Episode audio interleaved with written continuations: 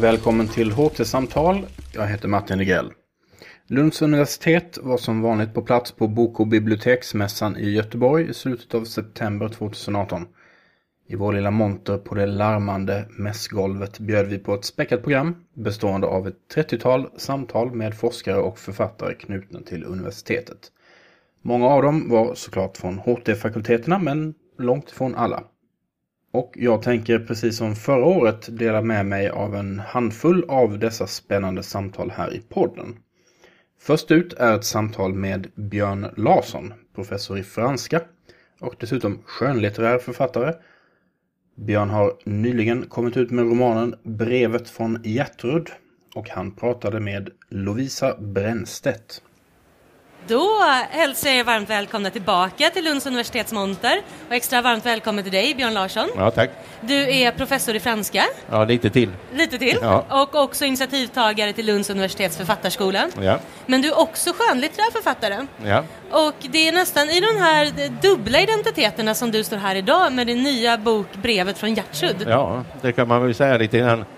Alltså, det här är en bok som handlar om något väldigt utmanande, om jag får uttrycka det så, ett väldigt svårt dilemma som handlar om en, en person som heter Martin för övrigt, som är huvudpersonen som upptäcker när hans mor dör vid 86 års ålder att hon hade en annan identitet än vad han trodde. Han hade alltid fått höra att, att hon var ett flyktingbarn från Tyskland, överlevande från Dresdenbombningarna. Och han hade alltid haft ett litet problem med henne för att hon älskade honom men samtidigt var det precis som det var någon, någon hinna eller någonting som störde den där kärleken. Och ibland så gick hon in i sig själv och sådär. För fadern hade försvunnit när han var två, tre år gammal och han fick inte nämnas i hemmet. Och det förstod han att det, det, liksom, det var något, så han misstänkte att det där som störde, det hade någonting med fadern att göra. Men så dör modern och lämnar ett brev efter sig som en advokat läser upp för, för sonen där hon förklarar och berättar att i själva verket var hon en överlevande från Auschwitz och judinna. Och hon har alltså velat skydda sin son som många av de efterlevande och överlevande gjorde, det vill säga genom att inte berätta någonting. Han är inte omskuren, han har aldrig hört talas om judiskhet, judendom, religion, kultur, ingenting. Och så är han i den egendomliga och dramatiska situationen att om han inte säger någonting till någon och advokaten har lovat att hålla tyst så är han inte jude. Han är inte jude. Om han däremot säger min mor var judinna men jag är det inte till exempel så är det en väldigt obekväm eh, situation. Det vill säga att vad han än beslutar så kommer han att, så att säga, utmana någon och några som antingen de som är, hatar judarna eller de som vill att han ska vara jude. Och han bestämmer sig alltså att först måste jag av respekt för min mor så måste jag i alla fall ta reda på vad det innebär att vara jude. Vad är det för, för han, han startar från scratch. Och det är där min andra ska vi säga, roll eller yrkesroll eh, har kickat in. För det här har tagit mig fem år att skriva. Kanske sex år. Jag har läst 15 000 sidor eh, åtminstone för att försöka förstå vad det innebär att vara jude eller att vilja vara det i hans fall. Vad är det som skulle kunna få honom att vilja välja att bejaka det? Mm. Eh, och jag har inte vad jag vet, men det finns en liten oklarhet där i min egen historia. Så har jag inget judiskt ursprung, även om min mors nuvarande namn Sander lär ska vara ett östjudiskt namn, så vem vet.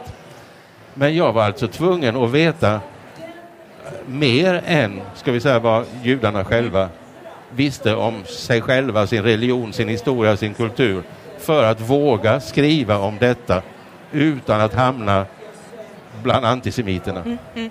Och det här är något så ovanligt som en skönlitterär bok som också har en bibliografi på slutet. Ja, därför att i slutet av boken, och jag ska naturligtvis inte berätta vad han beslutade sig för mm. eller vilket beslut han till slut kom fram till, mm. annat än att naturligtvis eh, säga att han fick betala ett pris för det. Därför att man kan inte besluta det här eller andra identiteter utan att man får betala ett pris för det. Eh, men det, slutar, det är alltså en författare som beskriver hans livsöde, det vill säga jag. Mm. Det är alltså inte min historia utan det är en författare som blir kontaktad av Martin Brenner som han heter. Och Martin Brenner ber författaren, jag, mig, som ju mer eller mindre är jag, mig, att berätta hans historia. Och då lämnar, överlämnar han den här bibliografin över alla dessa böcker eh, som han då har läst själv för att försöka förstå vad det innebar. Och när jag höll på att skriva hans liv så insåg jag, om man får uttrycka det så, att jag också var tvungen att läsa dem. För att annars skulle jag inte kunna skriva om detta. Så jag har gjort en enorm research faktiskt, eh, som jag skulle göra om jag höll på med ett forskningsprojekt mer eller mindre. Eftersom Martin Brenner då, huvudpersonen, du har ju också givit honom en identitet som forskare. Han är ju spännande nog DNA-forskare. Ja, och det var ju också en sak för att det finns ju den här traditionen, eller traditionen, den här idén bland eh, de flesta judar att ju, judiskheten, ute, bortsett från religion och bortsett ifrån traditioner och kultur och förintelsen, den överförs genom eh, blodsband. Det vill säga att om man har en, en, en mor som är judinna, vilket var hans fall, så är man jude. Men han jobbar på ett sånt här DNA-laboratorium. Det vill säga han vet mycket mer om genetik än vad de flesta skulle veta, icke-judar som judar. Och han vet att detta inte går att fastställa genetiskt. Det vill säga det faller bort. Han är inte troende, så därför faller den möjligheten också bort att han skulle så att säga konvertera till judisk religion, vilket är det andra sättet att bli jude om man inte är det. Och vad är det kvar? Det är det som är den stora frågan. Vad är det kvar som skulle göra att han skulle vilja bejaka den identiteten som han nu reellt sett kan bejaka och som alla skulle acceptera? Om vi återvänder lite, du nämnde strukturen på din Ja. roman. Den är intressant. Först får vi med en opersonlig berättarröst Ja. följa Martins liv och de överväganden han gör. Men sen i bokens tredje del så svänger du, där får man möta författaren plötsligt. Ja. Hur kommer det sig att du valde en... Det är en ganska ovanlig struktur för en roman. Den är till och med tredelad Ja. för att den första delen är alltså att man berättar alltså hans liv och tankar och, och funderingar och också möten med andra människor berättar, he, berättas helt och hållet utifrån hans perspektiv. Det är så länge som han inte har avslöjat någonting. För då kan han gå runt med en känsla av att det är han som är herre på täppan. Det är jag som bestämmer vem jag vill vara. Och sen råkar han så undslippa detta då, inte beslutet som sådant, men hans historia. Och då plötsligt är han ju inte ensam om det längre. Och därför den andra delen så får man veta hur de andra börjar se på honom.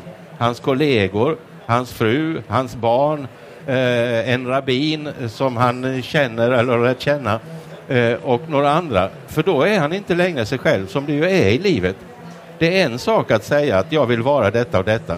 Men när man sen deklarerar det eller talar om det för omvärlden, ja då kommer fördomar, då kommer judehatet i det här fallet, då kommer en massa andra reaktioner in. Och sen i den tredje delen så är det, och detta var meningen att det skulle återspegla hans, det, alltså tekniken, berättartekniken eller berättarformen ska jag säga, den skulle alltså återspegla hur hans identitet förändrades. Och till slut är det han själv som får ordet genom ett brev som han då skriver till författaren. Och då får man höra honom själv eh, berätta om vissa saker. Mm. Och man får också höra författaren själv göra Ja. övervä- överväganden. Ja, för det är klart, jag har ju varit tvungen att ställa mig den frågan. Vad skulle jag ha gjort i, i samma situation?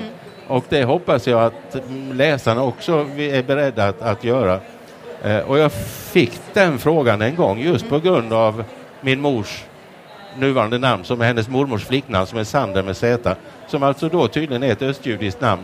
Och som jag fick veta av en professor i Kanada eh, som förberedde och sen skrev en antologi på engelska med svensk-judiska författare. Och han frågade om inte jag ville vara med i den. Eh, men jag vet inte. Och på min fars sida går det ett rykte om att vi kommer från vallonerna. Men många romer och resande folk sa att de var valloner för att slippa undan förföljelse. Så jag har lekt med den där tanken. Om någon kommer och bevisade eh, imorgon att jag var judisk på, där, på, mö, på, på den ena sidan på möder och då eh, romer på den andra. Jaha. Då kommer från, vad ska jag göra med det? Och många har ju den här inställningen att man måste så att säga bejaka det man har blivit. Men Martin Brenner, liksom jag själv, är mer intresserad av att, att ta reda på vad är det jag vill bli. Det vill säga vad är det som jag ska bevara och föra vidare av det jag har blivit. Men där går en skiljelinje tror jag mellan människor. Medan om man tittar bakåt i backspegeln för att bekräfta att det är så här jag ska vara. Eller om man tittar i backspegeln för att se vad ska jag bli sen.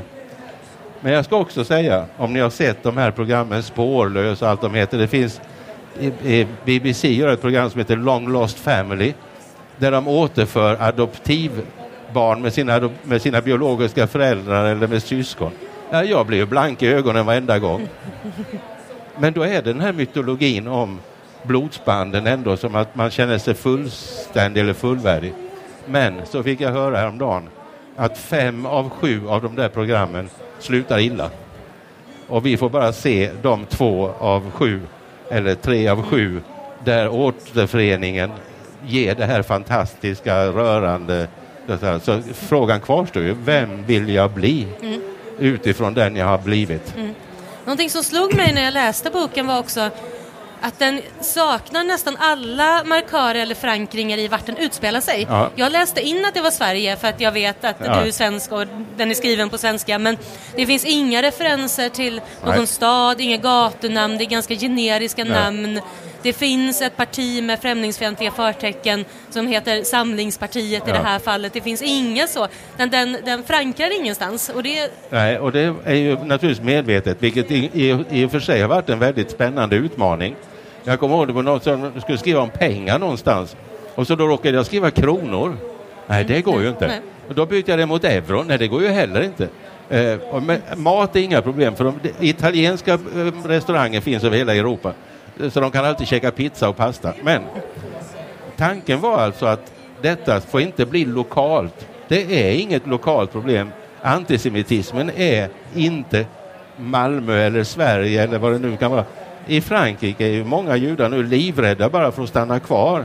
Deras barn när de går i skolan möts av två maskingevärsbeväpnade vakter vid dörren och de har metalldetektorer för att gå i skolan, ungarna. Mm. Så att jag ville verkligen att skriva boken, förutom att jag har privilegiet att ofta bli översatt, så vill jag skriva för att säga att detta är inte ett lokalt... Man kan inte bortdefiniera det genom att säga att som man gör ibland med, med invandring, ja, det är Malmö, det är skit, men inte i Lund eller om man nu tar det. det nej, det här är inte lokalt. Tyvärr. Nej. Eh, en annan sak, jag tänkte, det här är ju verkligen en tankeväckande roman du har skrivit. Den är precis nyutgiven. Du nämnde att recensionsdagen var igår. Ja. Har du hunnit få några reaktioner ännu på boken? Ja, jag har fått li lite reaktioner här och där. Jag hade ju ett seminarium igår som var intressant. Eh, därför att det var de med Kenneth Hermele som har judisk bakgrund och har bejakat sin judiskhet även om han är kritisk till Israel. Han är inte troende och eh, eh just det, var det, inte troende och det där med blodsbanden, ja de finns ju så att säga. Men han, eh, alltså han, och också hon som var moderator, mm. Rakel mm. som är på Sydsvenskan, som är assyrier.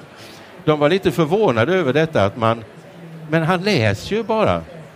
Eh, alltså hur kan, han, hur kan han komma fram till ett svar på, sitt, sitt, eh, på sin fråga genom att bara läsa? Och se där har jag, tror jag, upptäckt någonting jag vet inte hur många av er som sitter här som är akademiker som har försökt att, att svara på livets eh, frågor genom att läsa vad andra kloka människor har skrivit om det. Men det är ju så vi jobbar. Men jag har förstått, och jag ska, det ska bli spännande att se, jag tror att en del kommer att kritisera romanen därför att den är för intellektuell. I den meningen att den är så att säga ett seriöst försök eh, då att även forskningsmässigt förstå vad det innebär att, att vara jude i det här fallet. Men många människor idag tror inte jag är beredda att läsa 15 000 sidor för att komma fram till ett svar på en sån fråga.